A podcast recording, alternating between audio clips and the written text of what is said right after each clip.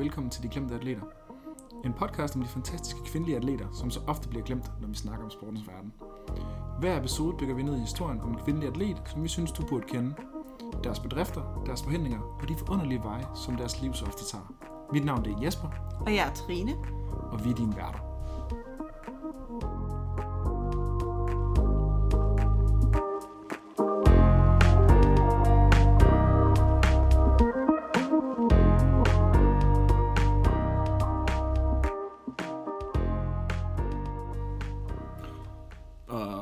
Og velkommen indenfor til endnu en gang De Glemte Atleter.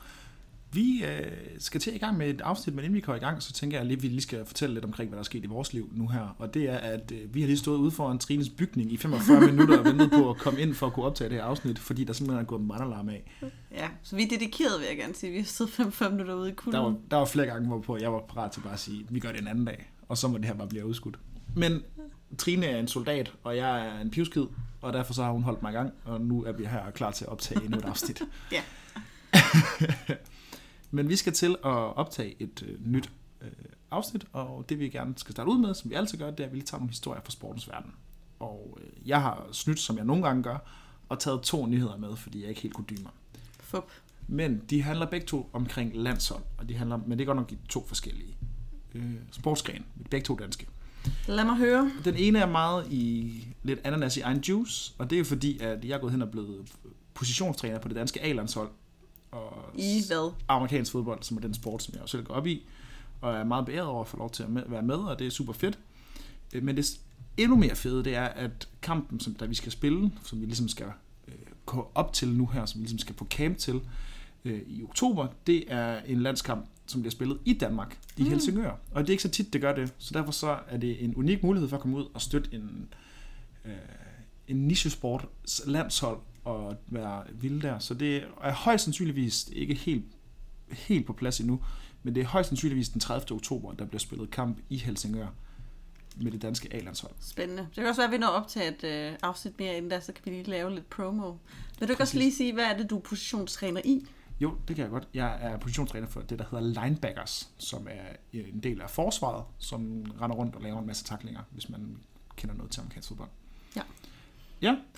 Min anden nyhed, jeg har med, den er lidt federe, fordi at den er måske lidt mere øh, in the now, fordi at vi har jo et rigtig fedt øh, kvindelandshold i amerikansk eller i almindelig fodbold. Mm.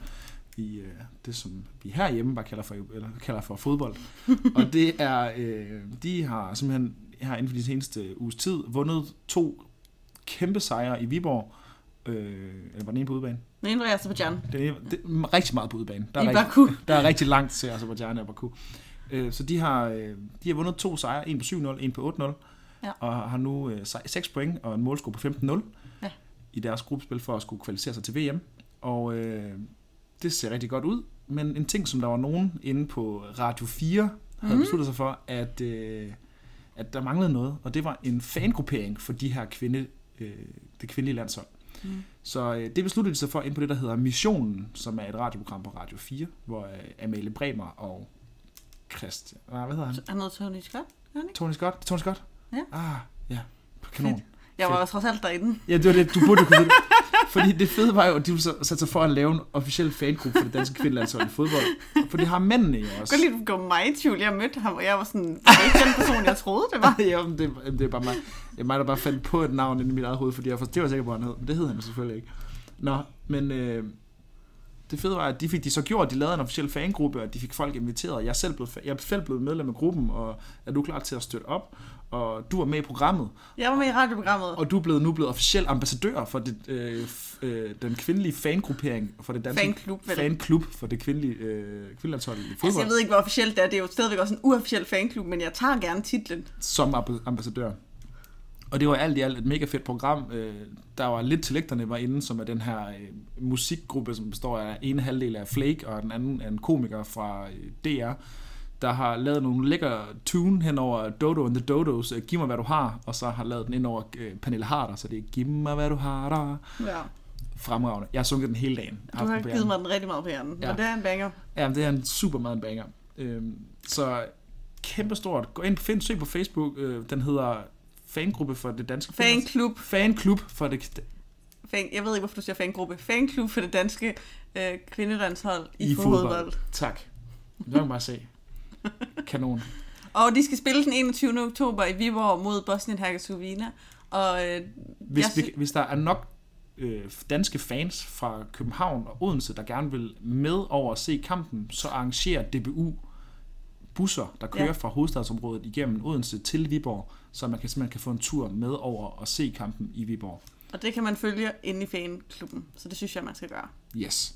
Så det var en, øh, en nyhed, Ja, og øh, med masser af rødt og hvidt hen, øh, plasket henover. Ja, Har, ja. hvad, er du, hvad har du med til os? mit, mit er faktisk også lidt rødt og hvidt. Øhm, mit det er historie om øh, cykling, noget jeg ellers ikke sådan klart skal sige, jeg ikke ved så meget om. Ja. Men jeg snublede over den her virkelig øh, sjove historie, synes jeg. Det handler om øh, Rebecca Kroner, tror jeg, jeg udtaler hendes navn. Jeg har ikke fundet et klip, hvor nogen siger det. Du Nej. ved, jeg har kun kunne læse det. Øhm, men hun er en dansk cykelrytter, som øh, er en ret fantastisk historie herop til VM i øh, cykling, der er. At faktisk for et år siden, der deltog hun i sit første cykelløb overhovedet. Og nu skal hun så repræsentere Danmark ved VM i både enkeltstart og sådan, det man kalder det linjeløbet, men det er jo så et landevejsløbet. Altså sådan, Mm. Øhm, hun er kun 20 år, så det er jo ret, altså det er jo en sen start, hvad skal man sige, at kaste sig over en ny sport. Øhm, fordi for tre år siden, der var hun på toppen af dansk tårnudspring. Det er jo også en anden niche sport. Okay. Og har været Dan- Danmarksmester tre år i streg, men så var, blev skadet med en rygskade, øh, og mistede ligesom... Det slår mig også som en sport, som man kunne komme til skade ved at dyrke. Ja, ja, det kan jeg jo ikke sige noget om, men jo, det tror jeg, det kan... Tårnudspring. Ja, ja. det, det, det slår mig som noget, som Hvis man lander vil- forkert. man ville komme til skade ved at lave. Ja, men øh, hun fik så en skade, og da hun så øh, ligesom skulle øh, komme tilbage til sporten, der mistede hun lidt passionen for det, og begyndte så at cykle øh, bare almindeligt, fordi hun ligesom øh, synes, det var en god måde at genoptræne, og så endte hun faktisk med at hvad skal sige, lægge badedragten på hylden, og begynde at cykle bare for to år siden. Købte hun sin første racercykel, og kørte ja, så for et år siden sit første officielle cykelløb her i Danmark, og er ret hurtigt stedet til tops i den cykling. Så er det jo dejligt, at vi lever i en tid, hvor det ikke er uanstændigt for, øh, Kvinder at cykle! for kvinder at cykle. Så Ja, det er jo en... Hun er ikke en djævel af den grund, lige, nej. lige præcis. Og det var faktisk sådan, at hun i øh, 2020 vandt hun den danske landevejsserie for kvinder. Ja, Øh, Så altså, man kan sige, det, det er satme gået hurtigt. det er det, som man kalder for en, øh, for et, øh, en kometfart ja. mod toppen. Det må man sige. Og hun er så blevet udtaget af Dansk Cykelunion til at øh, komme til det her VM, og det er egentlig med fokus på at lære. Altså, de er jo meget sådan, de regner ikke med topplaceringer, men hun skal udvikle sig og se, om hun ikke kan være med i toppen om nogle år. Øhm, så hun har faktisk allerede kørt enkeltstart. Det var den 20. og blev nummer 31 ud af 50. Og så er landevejsløbet lørdag den 25. Så det venter vi på at se, hvordan det går. Men øh, ja, jeg synes bare, det var en god historie. Det er en kanon god historie, og nu tænker jeg, vi kan næsten ikke øh, vende en cykelnyhed på det her tidspunkt, Oh, ja. og så ikke lige øh, nævne det tragiske, tragiske, tragiske, der, der skete i sidste weekend. Ja. Øh, hvor at øh, Chris Anker Sørensen, den tidligere professionelle cykelrytter og nu cykelkommentator, desværre måtte lade livet på en belgisk landevej Ja, en øh, bilu. i en bilulykke. Eller Øh, han blev påkørt på cykel en bil. Ja. Det er meget sørgeligt. meget, meget sørgeligt. Øh, har altid slået mig som et fantastisk, sympatisk og øh, humoristisk menneske, som har oplyst et værst øh, interview, som jeg nogensinde har set og ham dykket. Har aldrig været så heldig at møde manden, øh, men Nej. han, Altså, jeg, jeg følger jo ikke så meget med i cykling, men jeg, har jo, men, så jeg, vil sige, jeg tror, jeg ikke har lige stor relation til ham, men hver gang jeg alligevel har set ham i noget, har han altid virket som en virkelig sød og sjov fyr. så øh, kæmpe øh, sorg herfra, og Ja. kondolerer til øh, Chris Ankers familie, og Ja. hvad man ellers siger. Men øh, jeg synes, det lige skulle nævnes, når vi nu lige havde om landevejscykling og Ja, det var Andre ting. passende. Så, men øh, vi vil på den her lidt sørgelige øh, note gå videre til at skulle høre om dagens gode nyhed. Eller god, ikke god nyhed. God historie. Og også glemt det lidt, ja. Videre.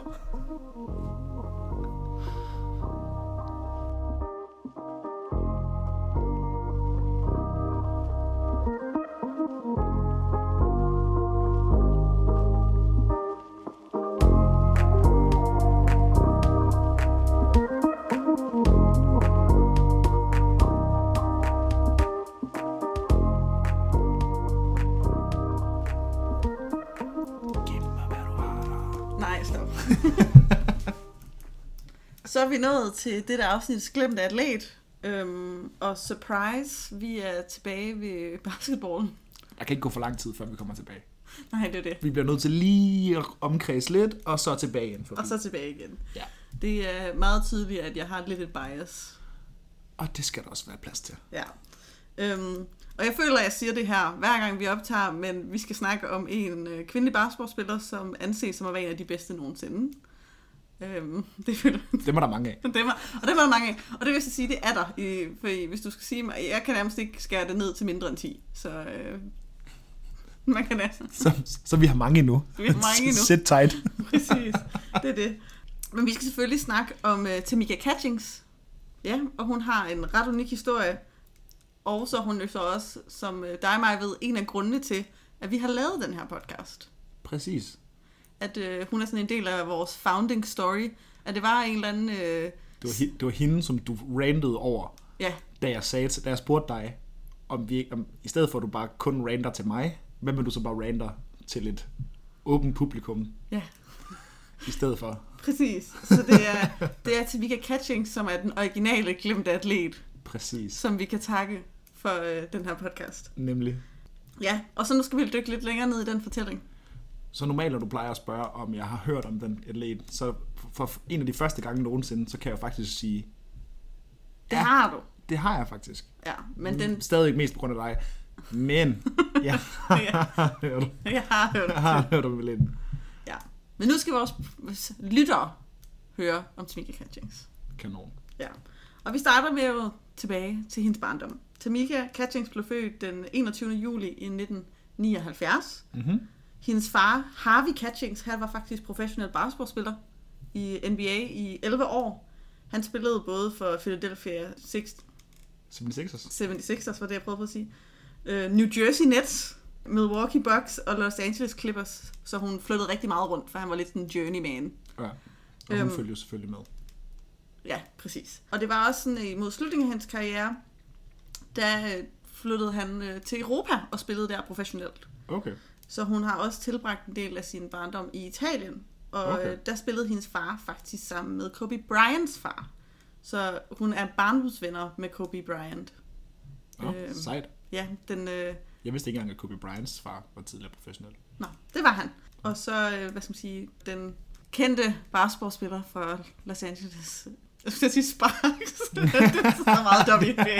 Lakers, sorry, du er venner. så farvet. ja, så farvet, sorry. Lakers, øh, som er meget berømt. Ja. Øh, ham voksede hun op med og var barndomsvenner med, og hvad skal man sige, tilbragt noget tid sammen med øh, Mhm. i Italien. Sejt. Og så når vi egentlig til den del, som... Øh, eller sådan, det er ikke det, der egentlig gør Tamika Catchings unik. Det er der mange ting. Men en af de dele, der er en del af hendes historie, det er, at Tamika Catchings, øh, hun er hørehæmmet. Ja. Hendes mor og far opdagede, at øh, hun var hørehæmmet, da var hun var tre år gammel. Ja. Hun var på en legeplads med sin familie, og meget klassisk, så står hendes forældre bag hende. Hun er i gang med at lege, og kalder sig på hende, og de kalder og kalder og kalder, og hun opdager ingenting. Og de genkender sig faktisk også de her tegn, for det var sådan, at tre år tidligere var Catchings storebror blevet altså, diagnosticeret med en hørenedsættelse. Så de kendte ligesom til tegnene, og familien havde prøvet det før. Ja. Ja. Og Tamika Catchings hørehæmmelse, den øh, påvirker begge ører, og det førte så også til, at hun øh, hvad skal man sige, skulle have høreapparater.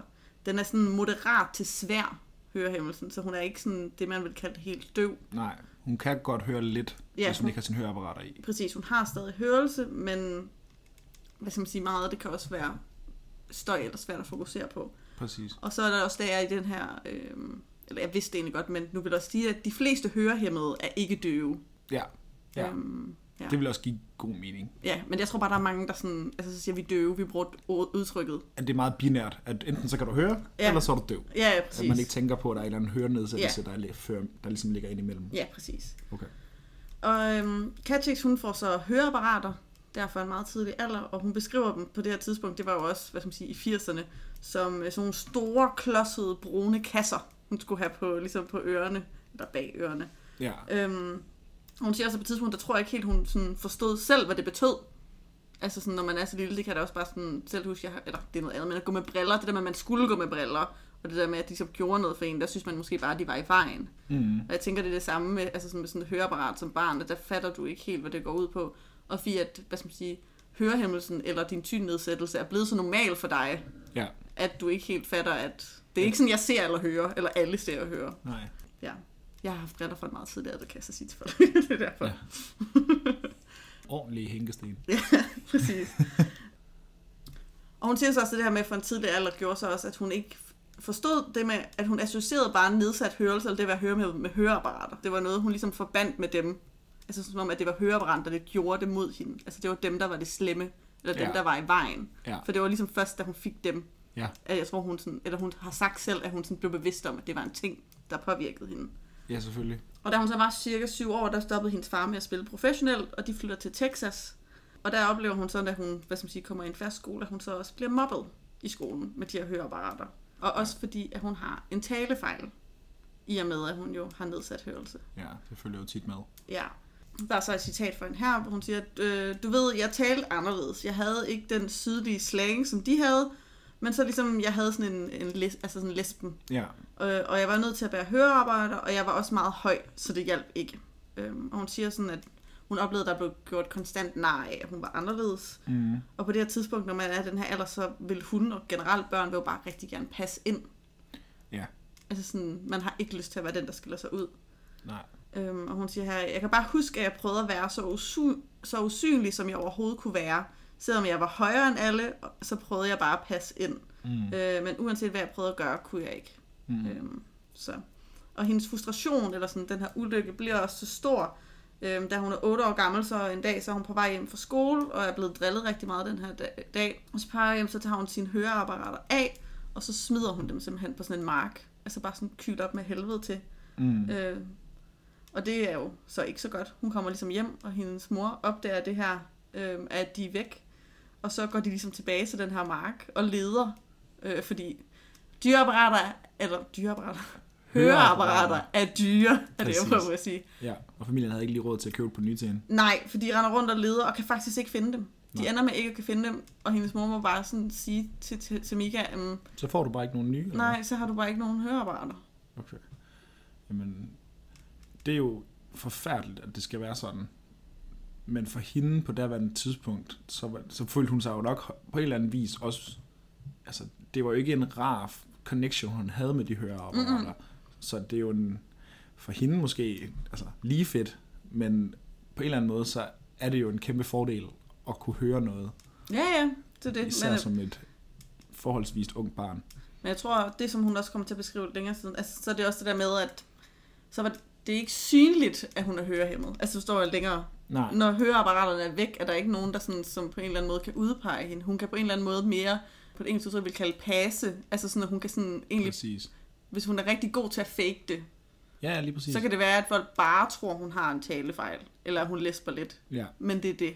ja, lige præcis. Jamen, de var jo, altså, ligesom hvis man har briller, så er det jo en meget tydelig måde på, at man, når man er så ungt et barn, kan skille sig ud. Ja. Og som du selv sagde tidligere, der er altid bare en eller anden usikker- usikkerhed, når man er i den alder, og gerne bare vil passe ind. Ja. Så de der høreapparater, mere end hvad talefejlen og hvad hendes egentlige hørenedsættelse, så var de der høreapparater en, et tydeligt markat på, eller en tydelig billede på, at hun var ja, Anderledes. anderledes. Ja. Og hun, det hun så gør til Mika, da hun jo så ikke ligesom har de her høreapparater længere, det er, at hun må lære at aflæse læber, altså mundaflæse. Mm-hmm. Øh, så hun gør det, hun sidder på forreste række i skolen hver dag, og så bliver hun bare nødt til at læse rigtig grundige lektier. Så hun siger simpelthen, at hun læser nærmest bare hele lærebogen først, fordi hun kan jo ikke sådan dukke op i skole, og så øh, ikke rigtig vide, hvad det skal snakke om, fordi at hun bliver nødt til at have en baggrundsviden, så hun ved nogenlunde, når hun mundaflæser, hvad bliver der snakket om. Mm. Og hun siger også, efter hver time, må hun ligesom gå op til læreren, og så sådan sørge for, forstod jeg, hvad der blev sagt, også fordi hver gang de vender sig for at skrive på tavlen, eller vender sig mod en anden elev, eller alle de ting, som man jo tager for givet, når man ikke Mm. øh, hvad skal man sige, er hørehæmmet, så misser hun jo ting. Nej, men lige præcis. Øhm. Har, har jeg nogensinde fortalt dig, at jeg har været over på en efterskole for, hør, for øh, hørehæmmede og skulle træne dem i amerikansk fodbold?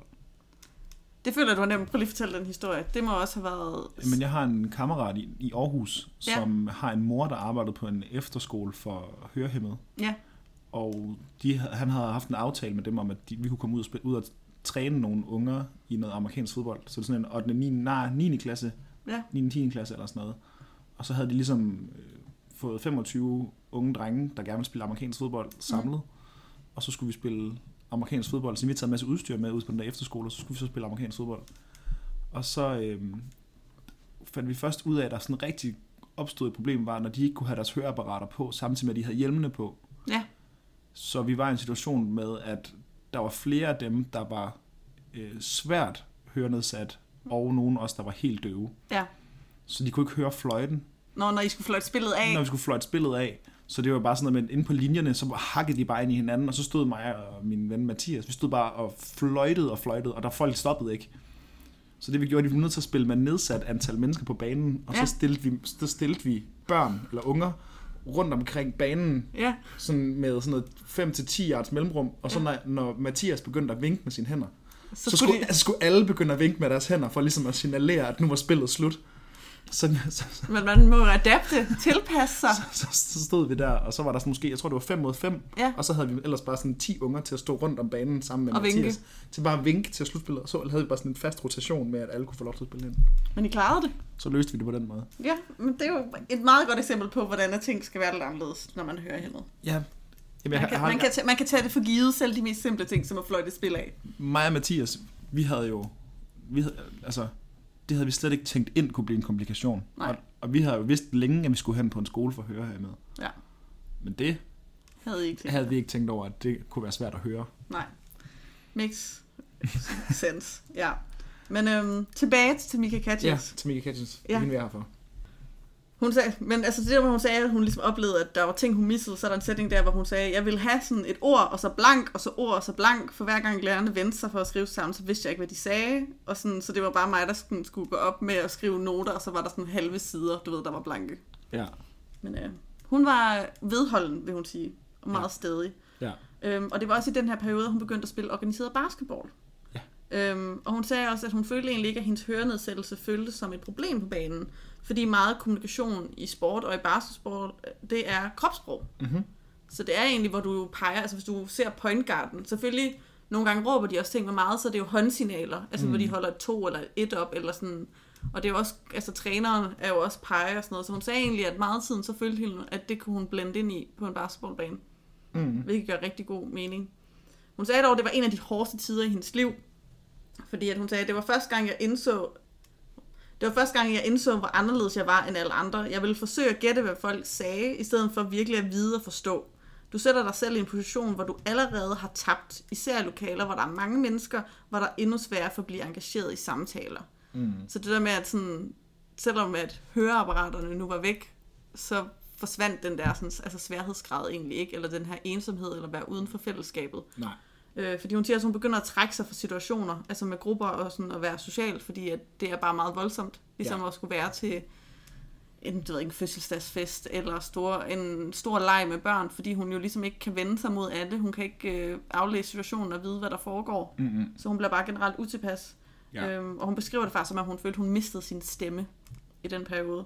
Ja. Øhm, det, der så gjorde, det var, at øh, hendes bror og hendes søster tog hende under deres vinger, egentlig. Og især hendes søster sådan, fulgte hende overalt. Nå, Så det var meget sådan, hvad skal man sige, fik et meget tæt bånd lige knyttet, så ligesom sådan. i familien, ja. ja. Så det var sådan, hun havde bare ikke så mange sådan, venner uden for dem, desværre.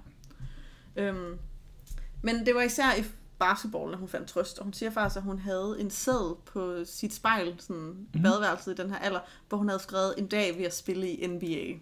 Ja, Øhm, og det skal jo siges, på det her tidspunkt fandtes der ikke en professionel liga øh, for kvinder på det Ja. tidspunkt. det har vi nævnt før, men Ja. den er jo, hvornår var det, den blev lavet? Den blev oprettet, eller sådan annonceret i 96, og spillede sin første kamp i 97. Yes. Og hvornår er det, vi er henne i, Jamen her- i dag? Her er vi jo slut, slut 80'erne, start 90'erne. Så der, vi er lige omkring en 6-8 år ude fra at Ja, have en kvindelig professionel liga. præcis. Så det er sådan, øh, og hun selvfølgelig også i og med, at hun, hendes far jo spillede i NBA, så det er jo det, hun, hvad skal man sige, associerer med. Hvis jeg skal være professionel, skal jeg spille i NBA. Hun spejler sig i sin far, hvilket Giver god mening. giver rigtig god mening. Men hendes forældre bliver så skilt på det her tidspunkt, da hun er teenager. Mhm. Mm-hmm. Øh, og hun bliver så junior i high school. Der flytter hun med sin mor til en anden by. Hendes søskende bliver egentlig der, hvor de er, fordi vi gerne gør high school færdig der, hvor de er. Mm-hmm. Så hun skal også klare sig ud sin søster første gang. Og det, men det, hun siger, som egentlig gør, redder hende her, det er sport. Ja. Fordi sport ligesom har et indbygget fællesskab. Ja. Altså det er jo også det meget sport kan, at selvom at øh, hun ikke havde nogen, nogen nye venner på den her skole, så bare det, at hun skal, det er jo så også amerikansk high school, men at man ligesom melder sig på skolens basketballhold, eller man melder sig på skolens volleyballhold, så er der nogle mennesker, man ligesom interagerer med og får et fællesskab med. Præcis. Øhm, og det kan jo især være rigtig givende for børn og unge, som så har det svært. Helt sikkert. Øhm, men ja, og hun førte for eksempel sit øh, volleyballhold til et statsmesterskab i 1996. Stærkt. Og hun øh, vinder også et statsmesterskab med basketballholdet øh, året efter, i 96, som øh, senior. Hun spiller forward i basketball, mm-hmm. øh, men kan også bruges som guard. Hun er meget alsidig. Okay, Øhm, stærkt. Ja. Og jeg synes egentlig, det er meget sandt, at jeg lige vil sige noget det her med, at, øh, med hendes hørelse på det her tidspunkt. For jeg tænker, nu begynder det jo sådan at komme op i niveau, altså når man alligevel spiller et, altså vinder et statsmesterskab i basketball, Mhm. mm-hmm. og så stadigvæk at være hørehæmmet, for hun har jo stadigvæk ikke nogen altså, høreapparater på det her tidspunkt. Nej. Øhm, og citat for hende, det er, at det har formet mig som person. Jeg har lyst til at kalde det min sjette sans.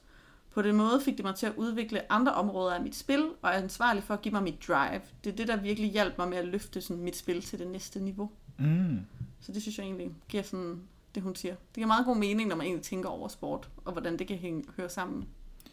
Ja, altså man kan jo sige, at det her med at høre signaler og høre ting og sager, der sker inde på banen, det kan jo både være en god ting, fordi du kan kommunikere bedre med din, bedre med din egen spiller, men du kan også blive distraheret af alle mulige andre ting, der kan komme udefra og udefra, altså udefraliggende forskellige forstyrrelser af, mm. af lyd og publikum, eller modstanderens ting, eller Ja. ja. træ, en eller anden, træ- øh, hvad hedder det, modstanderens træner, der råber noget ind til dig, kan på en eller anden måde forstyrre, mm. og der kan hun måske øh, være mere fokuseret, for de input, dem får hun ikke. Det er i hvert fald sådan, hun selv beskriver det. Ja, Og hun siger også selv det der med, at noget hun også er tvunget til for en tidlig alder, som hvad skal man sige, high school spiller generelt måske ikke gør, det er at læse spillet jo. mm. Altså sådan, det er, at hun skal ligesom have sådan et, øh, man kalder det sådan kort vision. Ja. Vil ligesom have sådan et øh, overblik over banen, og hvad der foregår, og hvor alle er. Mm-hmm. I en større grad, fordi hun ligesom har færre sanser at afhænge af.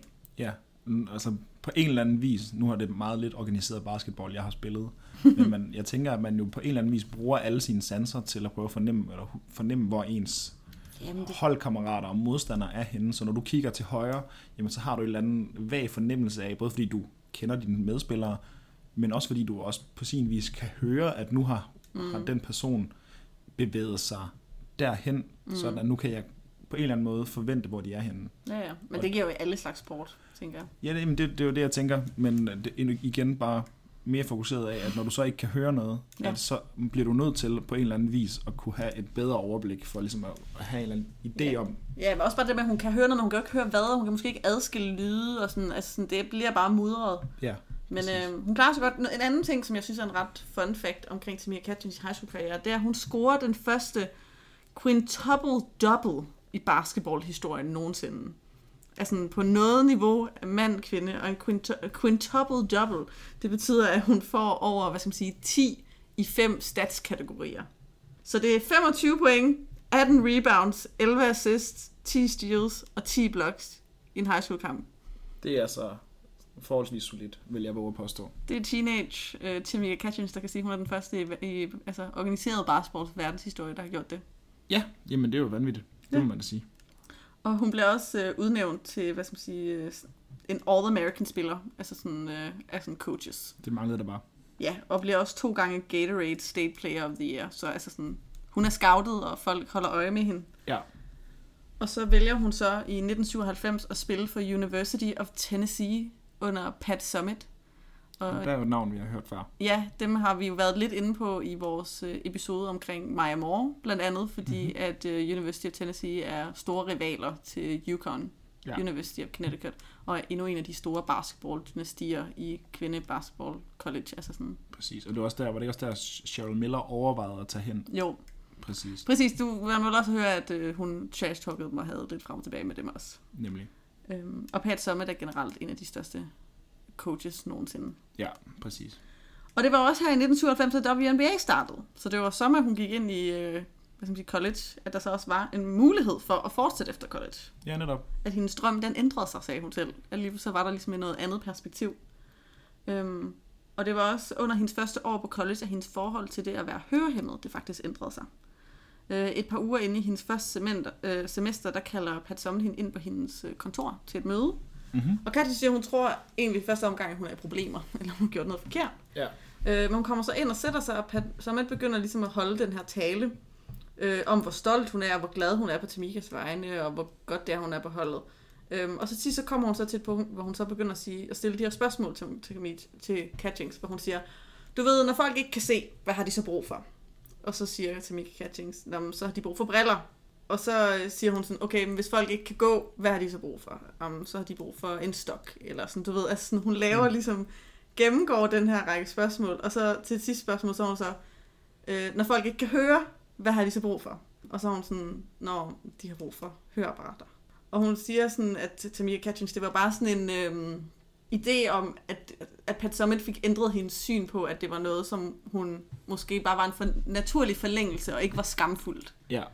Og at ligesom, at sådan, at ligesom hun ville tilbyde en stok til andre, eller briller til andre, så skulle hun måske også bare se det, som at det var noget, der kunne gøre hendes liv nemmere, og var en naturlig del, hun havde brug for. Ja. Og noget andet, som Pat Summitt så også sagde til hende, som hun sagde overtaget hende, det var, at øh, hun mente, at Tamikas historie ville påvirke rigtig mange mennesker. Altså sådan, at tusinde af mennesker ligesom kunne se, at der var den her basketballspiller, som havde stor succes, som havde høreapparater. Jamen, jeg, jeg elsker alle de der historier, som der findes af professionelle atleter, der ligesom godt tør vise, at det her med, at de måske har et eller andet form for øh, fysisk hæmmelse, Mm. kan hjælpe, kan, de kan sagtens være succesfulde sammen med det. Der var Edgar Davids i 90'erne som fodboldspiller, der havde, der havde briller, og der findes jo Diamond Shields, som spiller for Chicago Sky nu, der også spiller med briller. Og der er også, hvad hedder han, Shaquille Griffith i, Ja, i ja. NFL, som jo... mangler en arm, så- eller ma- spiller med en halv arm. Ja, Halv, spiller med halvanden arm. ja præcis. Altså sådan, Så Ja. der er jo, hvad skal man sige, i alle mulige sportsgrene. Der er, og det er sindssygt fedt, at, øh, at man ligesom kan overkomme de ting, mm. og ligesom spille på det niveau. Og man kan ligesom være et forbillede for nogle unge mennesker, der måske har svært ved at finde nogen at spejle sig i. Ja, men altså, den, det hun selv manglede, det hun Mm. mm. selv skammede sig over, når hun havde de der kasser på, at så Præcis. er der en barn, der måske selv var pinlig over sine, som så ser, at Tamika Catchings, hun spiller med dem i college. Præcis. Øhm, men ja, så øh, inden sæsonen går i gang, så begynder hun, for hun altså sådan nogle høreapparater og begynder at bære dem for første gang siden 3. klasse. Og så begynder hun faktisk også at fortælle sin historie, altså om at være hørehæmmet, øh, bliver Mhm. interviewet omkring det. Øhm, og hun siger selv her, da jeg var på college, det var der, jeg begyndte at acceptere det. Indtil da skammede jeg mig over det, og ønskede, at Gud ikke skabte mig på den, på den her måde, og ville gerne passe ind, og ville gerne være som alle andre. Så det er egentlig først der, hun sagde faktisk, at der var venner, som ikke vidste, hun var hørehæmmet. Ja. Fordi hun havde holdt det altså så hemmeligt, hvor det, hun havde bare sagt, at ja, hun lesbede, og det var det. Fordi ja. hun ligesom kunne skjule det så godt med, med at mundaflæse. Mm. Ja. Det der så er et men, det er, at på det her tidspunkt, der er teknologien ikke så god med høreapparater, så de var ikke øh, vandtætte. Så man kunne, hun kunne faktisk ikke bære dem til træning og til kamp, fordi når hun svedte, så gik de i stykker. Så gik de i stykker. Hold da op. Ja.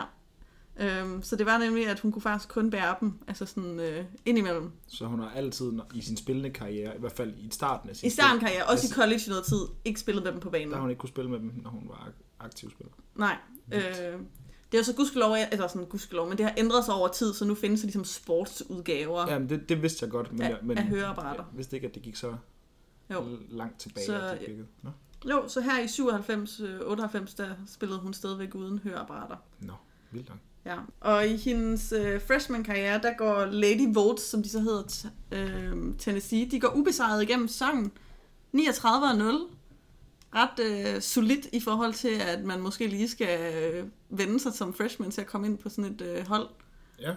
Hun, øh, de vinder, hvad skal man sige, Tech-titlen, og vinder jo så NCAA-titlen over Louisiana Tech. Og Tamika Catchings, hun scorede i gennemsnit 18,2 point over Per- sæsonen. Per kamp. Ja, Sådan. og var ligesom en hjørnesten af det mesterskab. Ja. Og de er også en meget legendarisk, hvad skal man sige, sådan hold, eller sådan et, en, det en, man kalder det som en af de der sådan, the greats i kvindebasketball. Altså, Der er ikke mange, der har perfect seasons. jeg skulle lige til at sige, al, altid i sport, når der er nogen, der vinder et, mesterskab uden at tabe en eneste kamp, så er det sådan forholdsvis legendarisk. Ja, Det er meget sjældent, at man kan... At det sker. ja. Så når, når det sker, så er det vildt. Og året efter 1999, der går de 31 og 3, men bliver slået ud af NCAA 8. delsfinalen. Så hvad skal man sige? Hvem slog dem ud? Det har jeg faktisk ikke lige her. Garanteret Yukon. Det kunne meget muligt være. Dumme Yukon. For jeg kan også sige, at året efter i 2000, der går de 33 og 3 og taber så NCAA-finalen til Yukon. Ja, så var det garanteret også Yukon året før. og de vinder så Naismith, øh, eller hun vinder Naismith College Player of the Year Awarden også Okay. år. Så altså sådan, har generelt en succesfuld øh, college-karriere. Så kommer dog det sidste år, i 2001, hendes senior år, 17 kampe Hed, inden i... hedder det ikke også Naismith Hall of Fame for basketball? Jo, Så det er den samme dude, Ja. som, er- som bedste spiller i college basket, mm, og Hall of Fame ja. er, og Hall of Fame. Er, begge, Det- eller er det- begge. det er jo ham, der opfandt basketball. er det det? Ja. Okay. Det er jo se, bare at se, hvad jeg ved. Ja. Okay, Det er ham, der er credited som at opfinde basketball. Nå, Det er okay. Naismith. Jeg kan ikke huske, hvad hedder til fornavn. Nej, okay. Cool nok. Der kan man bare se. Nå, videre. Det var bare Ja. mig, der Ja, er men- nysgerrig. Helt i orden. Øhm, men 17 kampe inde i hendes seniorår, der river hun sit korsbånd over i knæet. Øh, sin ACL. Uh. Ja. Og, hvordan, hvad for et årstal er vi i her? Der er vi 2001. Okay, fordi Cheryl Miller, hun river jo sit korsbånd i slutningen af 80'erne. Ja, og der er det jo... Og der er det jo, det er jo karriereslut... Øh, et, øh, Ja, der er ens karriere over. ja. Og nu er vi så I, øh, 12, 12, 10-12 år senere. Ja, og det er gudskelov bedre. Godt. Altså, du er sådan helt... Det var rimelig, mær- rimelig mærkeligt, hvis hun var the GOAT, eller sådan en af de bedste nogensinde i WNBA, og så river hun sit korsbånd i slutningen af sidste kolde sæson, Ja. og færdig for Ej, det ville have været trist, hvis jeg havde lavet sådan endnu en uh, Cheryl Miller. Hvor det Ja. sådan ja. Nej, hun øh, river det over, og det er en lang vej tilbage. Altså, fordi det har flyttet sig her til, at man kan genoptræne, men det er jo ikke ligesom nu om dagen, hvor man jo, eller ikke sådan relativt hurtigt, men man kan nå tilbage til næste sådan, sæson Ja, ofte. Hvor her, der... Øhm, et, det er, at, øh, hvad hedder det, Tennessee, de går 31-4 rører ud i Sweet 16-runden af NCAA, så de sådan, har stadigvæk gode spillere, men klarer sig ikke så godt. Nej. Øhm, og så siger hun også selv, at så efter det over optanken til draften, der er hun jo bange, fordi nu har hun ligesom gået og skiftet sin drøm og været sådan, nu skal jeg i WNBA. Og er der overhovedet nogen, der så vil drafte mig? Fordi hun var klart en af de top picks inden. Mm. Men på det her tidspunkt, så er at, øh, altså korsbåndsskade, det er ret også alvorligt. Øhm, og det er også fordi, så, tidsfra- så, så hold, de, de er jo også lidt, kommer hun til at være den samme spiller, når hun kommer tilbage, ja, plus, de her ting. plus at man så også ved på det her tidspunkt, at hun vil ikke kunne nå tilbage til den første sæson. Så man drafter hende velvidende med, at man kun har, man har hende om et år. Ja, okay. Det er simpelthen sådan tidslinjen for det på det her tidspunkt. Ja. Men det ender så med, at Tamika Catchings, hun bliver draftet som nummer 3 overall af Indiana Fever i 2001. De er et ungt hold, som øh, er kommet til som en del af udvidelsen af WNBA året før, i år 2000. De havde ikke vundet særlig meget af deres første sæson, der er de gået 9 og 23. Ja, og det er ikke imponerende. Det er ikke imponerende. Og må jo så på en eller anden måde have tænkt, at øh, vi satser simpelthen på hende her Tamika Catchings. Altså sådan, det er jo ikke en win-now-attitude, hvis det går så skidt, at man så alligevel er, er hvad skal man sige, De er i opbygning, og så må de jo vurdere, at hun var den bedste spiller i draften. Ja. Og så sige, vi kigger langsigtet. Vi kigger langsigtet. Catching spiller som sagt ikke i 2001-sæsonen, der går Fever 10 og 22, så ikke øh, En my bedre. en my bedre, men ikke meget. og så vender hun tilbage i 2002-sæsonen, og hun vender tilbage with a vengeance. Er hun vild? Hun er vild. I sin første kamp, der scorer hun 27 point, laver 12 rebounds, 5 assists, 6 steals og 3 blocks. Okay, en statline. ved en statline. Øhm, og skal jo så også vise sig til den sæson at være en af de mest altidige spillere i WNBA. Altså, det hun sagde, hun spiller, spiller jo forward, small forward, Mm-hmm. så hun kan både dominere under kuren, men hun er også, altså sådan, kan være guard og være den, der styrer spillet. Mm-hmm. Hun ender året i top 10 i både points, rebounds, assists, blocks, steals, free throws made, free throws percentage og three points made. Så det siger jo også altså sådan lidt om hende og den type spiller, hun er. Ja, det ved jeg faktisk ikke, om, om det siger, siger... Altså, jo, det siger selvfølgelig rigtig meget omkring, hvad for en spiller hun er, men hun er meget alsidig. Men det er svært at pinde down lige præcis, hvad for en type spiller hun er. Nå, hun, er- ja. hun er alle typer spillere. Men det er jo det, men det, er jo, det skulle jeg så sige, det var det, jeg ville følge op med. Det er den type spiller, hun er. Ja, lige præcis. Altså sådan, at det, for der er jo meget, som er enten forsvarsspiller, eller som er enten angrebsspiller. Men det, der gjorde til Mika Catching så specielt, det var, at hun var altså en all-arounder. Ja, det at sige, hun passer ikke ned i nogen kasse, fordi hun ligesom fylder alle kasserne. Det er det, hun gør. Og så nemlig også her, der er et citat for Teresa Witherspoon, som øh, var en spiller fra øh, New York Liberty, mm-hmm. som også bliver nævnt i for øh, The Shot i vores øh, afsnit om The Houston Comets, mm-hmm. hvis man lytter til det. Ja. Et citat om hende, og det er altså et citat, der er givet i den første sæson til Mika i ligaen. Det synes jeg alligevel er ret imponerende, at en veteran ja. siger det om dig. Så siger når du taler om do-it-all-spillere, så skal du skrive lige med til Mika Catchings. Hun kan skyde, rebounde, hun er overalt. Sådan. Det er ret godt sådan, som rookie. Og det er også nemlig en øh, kamp mod Lynx den sæson, der sætter hun også den daværende rekord for flest steals i en kamp med 9. Og hun vinder overbevisende Rookie of the Year. Og hun slår blandt andet Sue Bird, som blev draftet det år. Fordi at det, i WNBA, der er det sådan, du kan godt være Rookie of the Year det år, du så spiller. Altså, ja, det, det er det første år, du er aktiv. Ja. Så hvis du har været ude en hel sæson. Så hun, så hun eller ikke stjæler, men hun, hun nupper Super som Rookie of the Year, fordi hun jo ikke spiller det år, hvor hun egentlig selv er rookie. Nej. Ja. Er du ærgerlig over det? Nej, jeg tænker, at hun klarer sig. Hendes øh, fem øh, OL-medaljer og fire, mester, fire WNBA-mesterskaber. Ja, jeg græder ikke over det. øh, men endnu mere imponerende, det er, at Tamika Catherine som rookie bliver nummer to i afstemningen i MVP og Defensive Player of the Year. Sådan. Det er ret godt klaret. Det må man sige. Øh, og Fever går så 16 og 16. Så bedre, men ikke... Øh... Jamen, de rykker sig. Altså, nu ved, jeg, ved du, hvor, hvor mange flere ændringer skete der på deres hold, andet end at Tamika Catchings kom tilbage? Ej, det kan, jeg kan ikke sådan sætte sige, men altså, det var hende, der var sådan the main. Så hvis man sådan siger, at den, den største tilbage, eller den største... Ja, ja, det var klart. Det var, hun kom tilbage, og så ender de alligevel med plus 6 i forhold til året før. Præcis. Det er jo ikke helt dumt. Plus, de kommer i playoffs på en tiebreaker. Uh. Så de sniger sig lige med. Den første playoff-optræden for franchisen. Mm-hmm. De får så dog nummer 1 seedet uh, Liberty, og taber så serien 2-1. Okay, så, de, tager de, de tager en kamp, ja. og Timmy Catching scorede 20,9 point per kamp. Ja. ja så, øh, ja. Men øh, det synes jeg generelt er imponerende. Mm. Altså, første år. Ja, det er det også. Det må man sige. Og, øhm, ja, og hun siger også bare det der med, at det hørehæmmelsen, altså nu har hun jo efterhånden faktisk fået et høreapparat, øh, men hun siger bare sådan, at hun oplever, at det, at selvom hun har det nu, så siger hun bare stadigvæk, at hun har oplevet til, at det har givet hende et vision, altså en træning og, en, og noget, som hun kan, som hun ikke kan, som mm. de andre ikke kan. Mm. For hun siger også, at noget, jeg synes var interessant, det er, at hun siger, at hun kigger mere på spillernes øjne. Ja. Hvor de andre forsvarsspillere måske kigger på, sådan, på hele kroppen, hvor man så også kan lave et fake på en mm. anden måde og sådan nogle ting. Hvor hun mm. siger, at hun i højere grad ligesom skal kigge i spillernes øjne og føler så, at hun ligesom kan aflæse deres næste move bedre. Okay. Interessant. Ja, det er det. Øhm, de næste to sæsoner, der går de 16 og 18 og 15 og 19 og misser akkurat playoffs. Hun, er dog, hun har dog sin bedste statistiske sæson i 2003 øhm, og bliver igen øh, nummer to i Defensive Player of the Year og MVP begge år. Så sådan, hun er konsekvent en af de bedste spillere i ligaen. Ja. Og så samtidig blev hun så også i 2003 præsident for WNBA's spillerforening. Og er det faktisk de, næsten, de næste 13 år.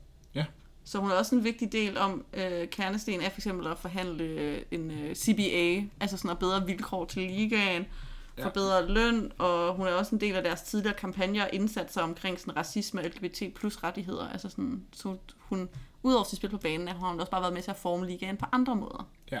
Og så når vi til 2005-sæsonen. Øhm, og det er deres bedste sæson indtil videre. 21 og 13 går det. De, går til, de når til conference-finalen i playoffs, det man vil kalde en semifinale. Og der øh, blev hun også den hurtigste spiller nogensinde til at nå øh, 2.000 point i WNBA med kun fire sæsoner. Ja. Det er ret godt klaret. Det må man da sige. Og hun bliver så også det år udnævnt til WNBA Defensive Player of the Year. Så efter tre nummer to, og så får hun den så endelig? Så får hun så endelig.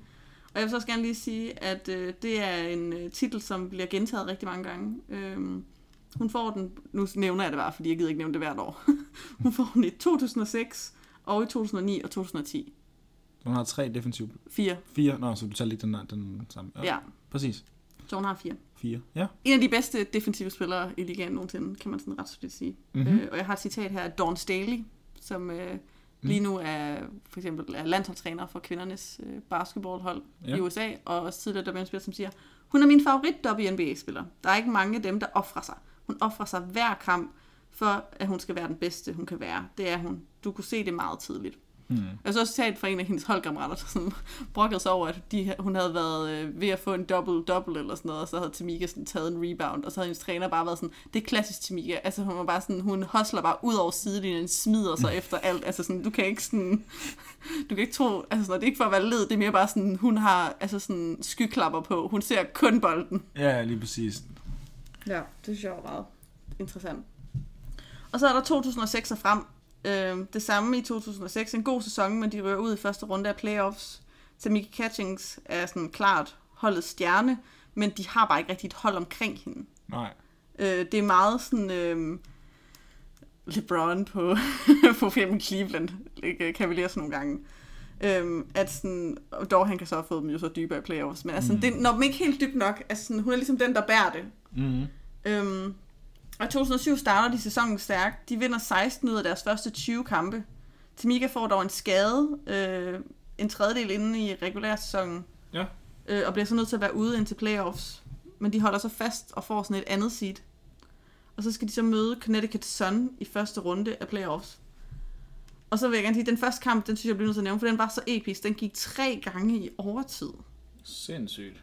Indtil Suns endelig vandt. Og Jeg skal også, det siger hvor meget defense der har været, fordi tre gange overtid, så vinder de den 93-88. What? ja, Sindssygt. det, det har virkelig bare været sådan defensive. For de siger også, Tamikas sta- øh, statline var 14 point, 20 rebounds. Ja. Fever vinder kamp 2 overbevisende på hjemmebane, og i en afgørende kamp 3, så ser det sådan egentlig ret skidt ud for dem til at starte med. De er bagud med 22 point halvvejs gennem tredje periode. Men de laver så faktisk det største comeback i WNBA playoff-historien, øh, og vinder så kamp 3 i overtid med 93-88, og hun har 30 point og 13 rebounds. Så ret godt klaret. Og så er det så, de møder deres rivaler, Detroit Shock, som så jo er en franchise, der ikke eksisterer længere. Jeg skulle lige så sige. Dem kender du ikke. Jeg tror, jeg har hørt det før. De var coachet af Bill Lambier, som er coach for, øh, hvad hedder det, Las Vegas Aces, og som jo selv var en del af Detroit Bad Boys i sin tid. Ja, The Pistons hold, som jo konsekvent slog Michael Jordan ud af Ja. playoffs i hans i, øh, tidligere hans karriere. Og som bare lavede sådan en bullyball. Og det var faktisk det princip, han kørte Detroit Shock efter. Altså sådan, Nå, ja. Så de, de er sådan kendt for den periode, Detroit Shock. Dem havde ingen WNBA lyst til at møde, fordi du fik bare så meget fucking pryl. Altså Okay. sådan, det var bare albuer og fouls og fysisk af helvede til. Nu bander jeg meget. Men ja, det var bare meget interessant. Men altså, Fever tager en tidlig føring i den her serie, og er egentlig tættest på WNBA-finalen, de jo nogensinde har været. Mm. Men kamp 2, den taber de, og så i den tredje afgørende kamp, men der har de en tidlig føring, men så går Tamika ned med hendes skade. Nej. Jo, Hvad bliver hun skadet med? hun øh, overriver, hun rever sin akillesscene over. Au. Ja, og så taber de og rører ud. Og så kæmper hun meget med den skade i løbet af 2008, hvor de så går 17 og 17 og ud først ud af playoffs. Så det er ikke noget specielt. Og så er det der er lidt sådan et turning point, fordi så øh, Indiana Fever er jo også ejet af Indi- Indiana Pacers ejerne. Ja. Og de annoncerer så, at Fever de taber penge, og hvis de beviser, at de kan vinde og sælge billetter, så vil de lukke holdet. Og det gør de altså offentligt, så de giver jo ligesom Indiana Fever et, et, og Timmy Cash et form for ultimatum Ja, gående ind til, sæsonen. Ja.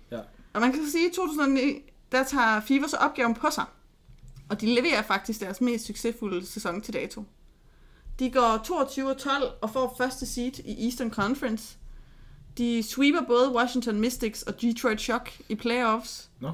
Og når helt til WNBA-finalen, hvor de så står over for Diana Taurasi og Phoenix Mercury. Øhm, Ja.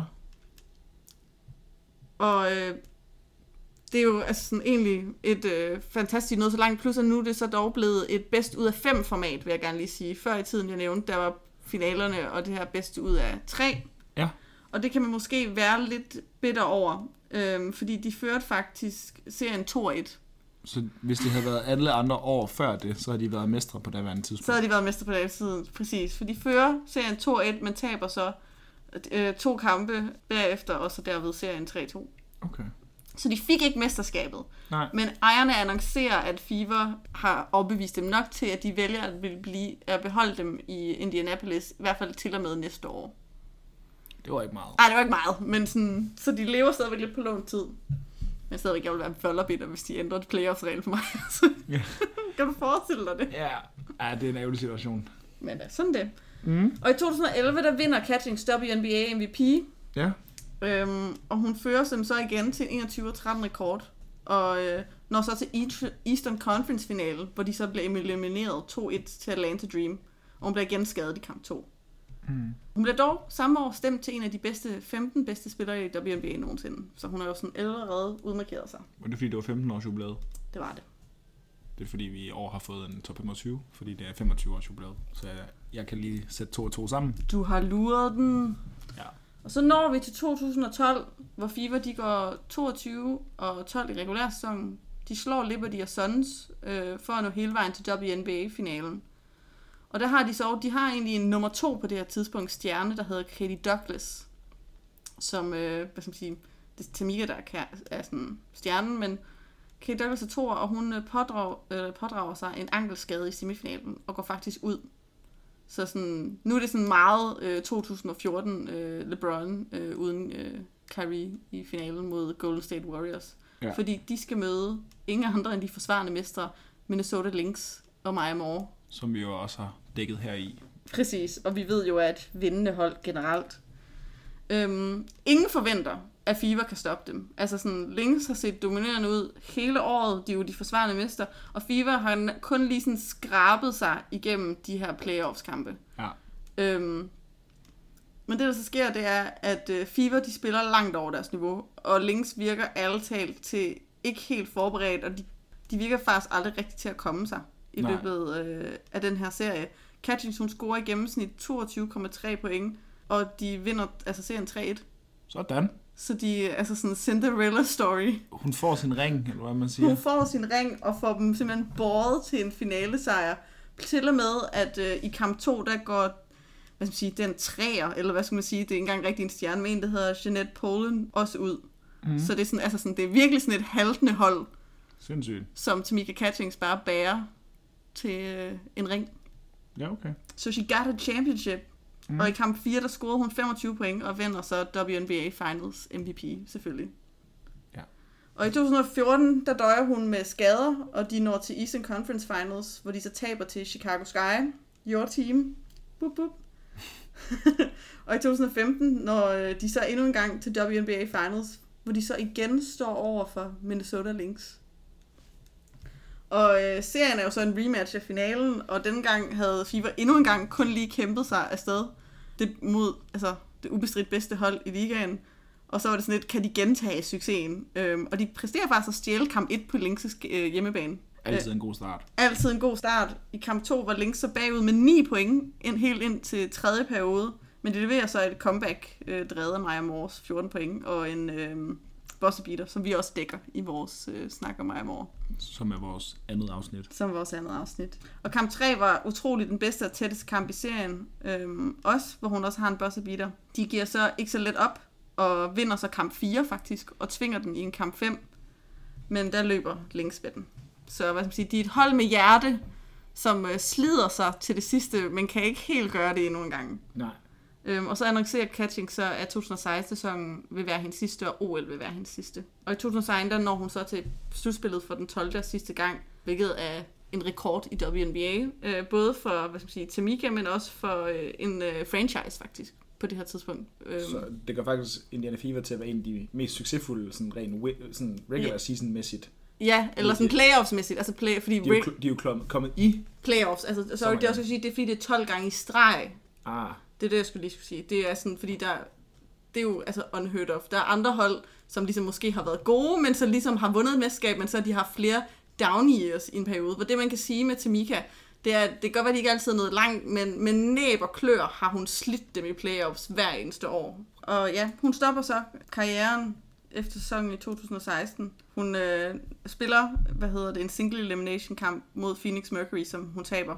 Ja, det er ret vildt. Jeg synes dog, det er ret vildt med de 12 i streg. Altså det kan ikke engang øh, de originale hold, der er tilbage, som sådan New York Liberty og Sparks sige, de har gjort. nej, Det er ret godt klaret. det må man sige. Øh, hun har også vundet ud over WNBA fire olympiske guldmedaljer i træk med Team USA fra 2002 til 2016. Ja. Øhm, og hun har generelt bare altså efterladt et stort eftermæl i WNBA. Hun spillede, spillede 15 sæsoner, alle sammen for Indiana Fever, så hun har ligesom været med til at bygge en franchise op. Det er jo noget, man sådan romantiserer meget i sport. Ja, der, der er altid sådan et eller andet plads i hjertet for fans, for nogle sådan lojale spillere, fordi spillere har jo egentlig ikke rigtig noget at være lojale overfor. Nej, nej, Altså, det er jo det, it's a business. fuldstændig, altså klubber, de smider jo spillere væk, så snart at de ikke har længere har en funktionel øh, egenskab for, for holdene længere. Altså hvis du ikke, hvis du ikke kan yde noget, jamen så, så skal du jo på porten. Det er, en, det er jo en forretning. Og endnu mindre i USA, hvor franchiser så også kan flytte. Præcis, Altså sådan, så de er jo ikke engang bundet til en by eller fans nødvendigvis. præcis. Så derfor så er det jo helt vildt at have sådan en have sådan en loyalitet over for en franchise, hvor hun jo garanteret havde mulighed for at gå hen til større franchises for at hive større, hvad kan man sige, øh, både øh, større personligheder, selvom det jo nærmest ikke er muligt, fordi hun jo er, bliver betragtet som en af de bedste nogensinde, men så i hvert fald Hun kunne måske have joinet et superteam, altså et allerede etableret hold. præcis, hvis hun har taget til Lynx eller et eller andet, og så har spillet sammen med Maja Moore, så har de jo vundet hver eneste mesterskab, der overhovedet har været tilgængeligt i, øh, i 10'erne og slut, Præcis. slut nullerne. Men hun valgte ligesom at blive. Øhm, Og det er sejt. ja. Og jeg vil gerne lige sige, at de 15 sæsoner, hvor hun spillede, ikke? der spillede hun kun med én holdkammerat, der blev valgt til et All-Star-team. Det siger jo altså også bare lidt sådan om kvaliteten, Ja. som hun har slæbt til playoffs og til en ring. Men det, det siger også noget om, altså det der med, at når man har så god en spiller, så bliver ens hold aldrig så dårligt, Nej. at du får et, et højt draft pick. Nej, for det skal jeg også til at sige. der er nemlig det, der er problemet. Det er også den, altså de fik jo aldrig øh, kunne lov til at rebuilde. Nej, fordi det- sådan, altså det er også nogle gange det, man ser i, i andre sportsgrene, men også sådan det her med, at hvis du konsekvent altid ligger i midten, Ja. især i de her amerikanske sportsgrene, hvor at det du ligesom bygger dit hold op efter, det er de her draft-formater, hvor holdene ligesom, alt efter hvor godt du klarer dig, Mm. eller hvor dårligt du klarer dig, så må du ligesom vælge først i rækken. Så er du ligesom første vælger derfra, og så dem, der har klaret sig dårligt, de får lov til at vælge først, ergo får de de bedste spillere for koldetrækkerne. Ja. Men hvis du konsekvent altid ligger som den 8. bedste, eller den 6. bedste, Ja. så er du altid lige præcis god nok til ikke at vinde, Ja. eller hvad man sige, god nok til ikke at slutte dårligt, men ikke god nok til at vinde det hele. Ja, ja, så du får ikke den der franchise-ændrende spiller, som de fik i Tamika Catchings. Præcis. Altså sådan, dem får hun ikke, når, Nej. de, når de vælger nummer sådan 6 eller 8 eller 10. Altså sådan... Præcis. Og det, er og det, altså, det kan man jo ikke holde, holde imod til Nej, catchings. nej, nej. Altså, hey, kan du lige være så god, at vi, at vi ikke kan tabe, når du er på vores hold? Altså, det kunne de jo så godt, men ikke tabe nok. Ja. Øhm, det, det, er en, det er en sjov tanke at, at have med det der med, at, at det kan jo også, altså det er jo også en, en, en, en faktor. Helt sikkert. Ja, ja, det er sådan lidt en speciel legacy at, at have efterladt. Ja. Øhm, men hun forbliver stadigvæk øh, WNBA's tredje førende altså sådan scorer nogensinde. Ja. Øhm, og hun er også den tredje førende rebounder, samt ligands førende leder inden for steals, og nummer to i frikast. Og så har hun sådan utallige rekorder for playoffs, hvor hun har flest point, flest rebounds, flest frikast. Altså sådan, fordi jo hun, hun var i så Hun var der så mange gange. Præcis. Og det der egentlig så, altså sådan efter karrieren slutter, så stopper hendes forhold til basket jo egentlig ikke.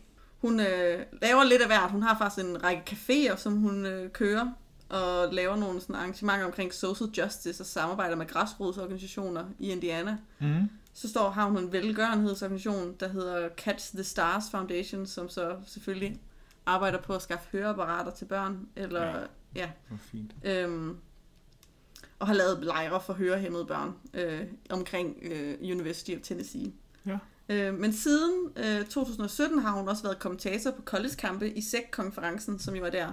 Tennessee SEC. Ja, nej, sorry, SEC. Hvor øh, Tennessee har spillet, og hun mm-hmm. sagde faktisk, at hun først sagde nej til jobbet tre gange, fordi hun var bekymret for, at hun ville stamme, eller det der med, at hun havde en, te- altså sådan en talefejl, Ja. ville være dårlig sådan på tv. Ja.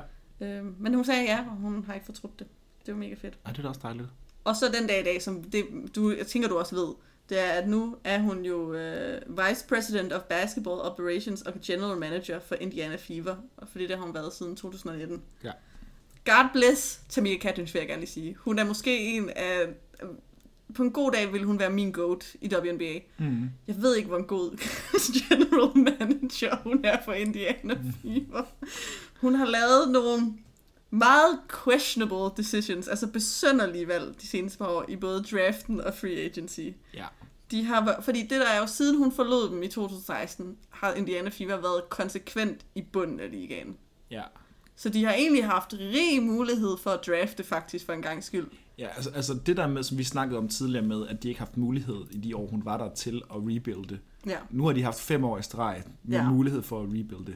Og det er ikke rigtig blevet til noget. Nej. Øh, så altså, sådan, jeg elsker Tamika Catchings. Jeg ved ikke, hvor længe det fortsætter. Men, men de kan jo ikke fyre hende. Det er også det, der er problemet. Ja, hun er sådan lidt en face of the fran- franchise. Det kan man jo ikke. Det er jo samtidig med også Broncos med John Elway. Lige meget, vi kunne ikke fyre den mand. Altså, det kan man jo ikke. Eller Pat Bowlen. Ja, alle altså, sådan, var Der er bare "Ja, nogle ting, hvor de bliver så tæt forbundet med dit hold, det kan du ikke. Nej. Så jeg ved ikke, hvordan det udvikler sig. Men altså, det gør hun lige nu. Øhm, Er det mor? hmm, det er mor. Det gå. Hej mor.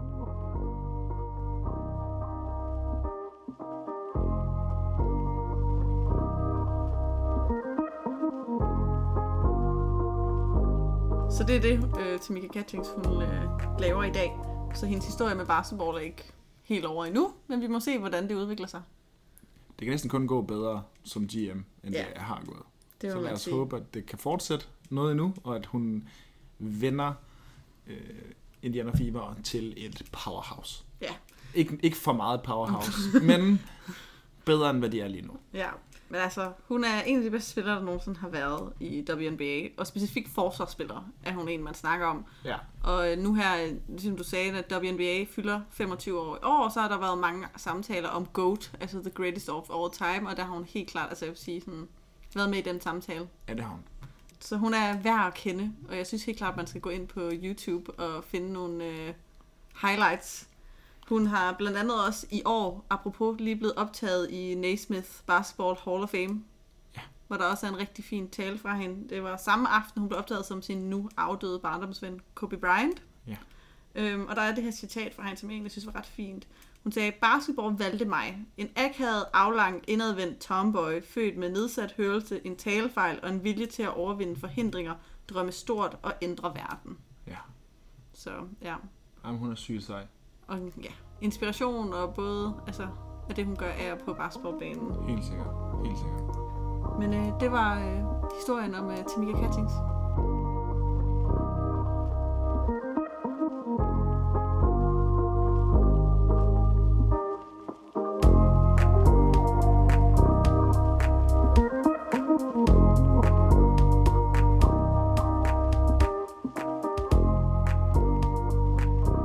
Tid til, at vi skal have vores ugens Serena, eller vores episode Serena, hvor vi har vores lille anbefaling. Noget, som vi kan råbe, come on, over, Præcis, som hun gør. som hun jo gør, når der er noget, der går godt. Jamen, øh, jeg har taget noget med til os, øh, som ikke er i gang endnu, men som starter, inden at vi har næste afsnit.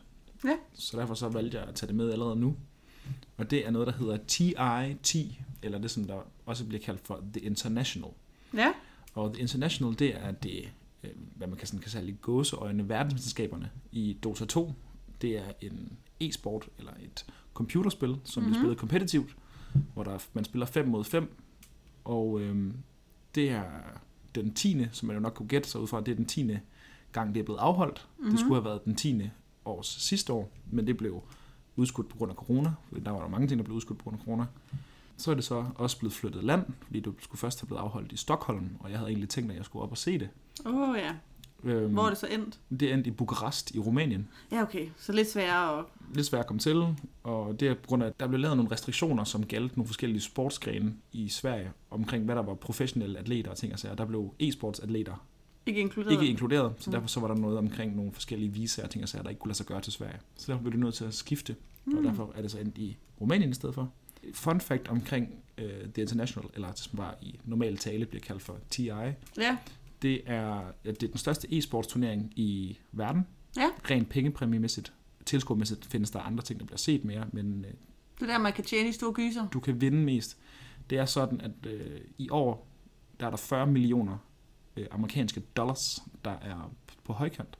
Wow, okay, det er jo nærmest mere, end jeg troede ikke engang, de tjener så meget i US Open. Nej, jamen det er helt I ten, altså i tennis. Men det fede er jo det, fordi at TI er det, som man kalder for seer. Mm. Øh, eller det er fanbaseret. Mm. Så der er det, der hedder et Battle Pass inde i Dota 2, som jo er et computerspil, hvor at når man køber Battle Passet, så bliver, der, så bliver en del af de penge, de bliver, gå, de bliver ligesom givet til præmie, øh, præmiepengene til turneringen. Okay. Og der kan man så ud over, når man så køber selve Battle Passet, så kan man også opgradere sit Battle Pass, så man kan købe vildere ting i det. Ja. Og de penge bliver også givet til præmiepengene, eller til præmiepengene, præmiesummen, som når man spiller turneringen. Så en stor del af de penge, som holdet de vinder, det er fra fansene. Så det er ligesom sådan et Ah. kæmpe event, som bliver afholdt der. Og hvornår var det så? Jamen, det bliver afholdt fra den 7. oktober til den 17. oktober. Og øh, de sidste to gange, det er blevet afholdt, både TI 8 og TI 9, der har det været den samme vinder. Det er dem, der hedder OG, som Mm. var der en dansk kaptajn, som jeg også tænkte var værd lige at nævne. Ja, yeah, Danmark. Vi kan altid godt lide, hvis der er noget rødt-hvidt. Ja, den danske vinkel. Og øh, det jeg egentlig vil sige, det var bare, hvis man synes, at sådan noget kan være spændende, så kan man følge med inde på twitch.tv, som er gratis. Kan jeg sige det? Så det koster ikke noget at se med, men øh, det bliver afholdt. Og for første gang nogensinde bliver det afholdt i Europa, Ja. ja. så det er ikke fuldstændig vanvittige tidspunkter. Nej, lige præcis. Det er ikke midt om natten, de spiller, som de har været nogle gange. Så du skal se det. Så det regner med, at jeg nok skal se jer. Spændende. Så det glæder jeg mig rigtig meget til. Ja, ja en lille fun fact. Øh, de fem mest tjenende øh, e-sportsatleter nogensinde, de er alle sammen de fem, der har vandt TI 8 og TI 9. Fordi at man tjener så mange penge på den, i den turné- specifikke Nå. turnering. Så de ligger 1, 2, 3, 4, 5, fordi de bare har vundet de to turneringer. I de mest Okay. tjenende e-sportsturneringer nogensinde. Det var bare lige en lille fun fact. Ja. Men øh, ja, det er min... Øh, Så, så hvis der er nogle små øh, børn, der lytter, som gerne vil være sådan e-sportspiller, så er det Dota, de skal gå ind på, er det det, du siger? Jamen altså, man kan sige, at der er måske en nemmere form for succes andre steder, Nå, fordi, okay. der, er- fordi at en, stor del af præmiepengene er, at du skal vinde den specifikke turnering. Nå, okay. Så, Så, så det er der jo kun fem om året, der kan gøre. så, så lød jeg klog. Det, altså, ikke gør det, venner. Okay, nå. Så nåede vi til min, Serena. Ja, lad Øhm, os høre. og det er en podcast, jeg har med. Mhm. Surprise. Øh, det medie kan vi ret godt lide. Den hedder Summer of Gold. Mm-hmm. Og det fortæller historien om øh, OL i 1996 i Atlanta i USA. Øh, men nærmere rettet om, hvad den betød for kvindesporten i USA. Ah, For det var der, at, øh, hvad skal man sige, der var basketball, øh, kvindernes basketballhold vandt guld, kvindernes fodboldhold vandt guld, kvindernes softballhold vandt guld, og der var også flere i øh, gymnastik, der vandt guld. Så det havde ligesom sådan et stort gennembrud ja. på det her tidspunkt. Øhm, Nice. og man siger også, at det var noget af det, der sådan satte hjulene i gang til, at WNBA jo så blev, i 97, altså, blev annonceret samme år og blev tippet af i, øh, i 97. Øhm, der er seks afsnit. Jeg har lyttet til to af dem. Mm-hmm. Det er, der er stjerner som Sue Bird og Julie Foudy og Brianna Scurry, de to sidste fodboldspillere for holdet, Mhm. mm. som er med. Øhm, nice. Og er jo generelt et svagt punkt for en øh, velfortalt historie om øh, kvindesport og Ja. dens udvikling. Det er nice. Så øhm, hvis man er interesseret, jeg tænkte i hvert fald, hvis man lytter til den her podcast, så kunne man øh, meget vel også synes, at den podcast var interessant. Der er nok et overlap der. På en eller anden måde, ja. sted. Jeg kunne i hvert fald anbefale den varm. Stærkt. Jamen, øh, så vil jeg ikke andet end bare at sige tak, fordi I lyttede med. Ja. Og vi lyttes ved næste gang.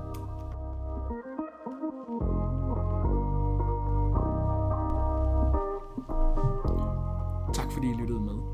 Lige nu lytter du til vores kendingsmelodi af Laurits Frølund Mortensen.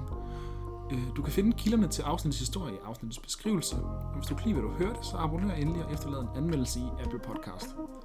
Du kan finde os på Instagram og Twitter under De Glemte Atleter, og vi hører meget gerne fra jer. Mit navn det er Jesper, Og jeg er Trine. og tak fordi I lyttede til De Glemte Atleter.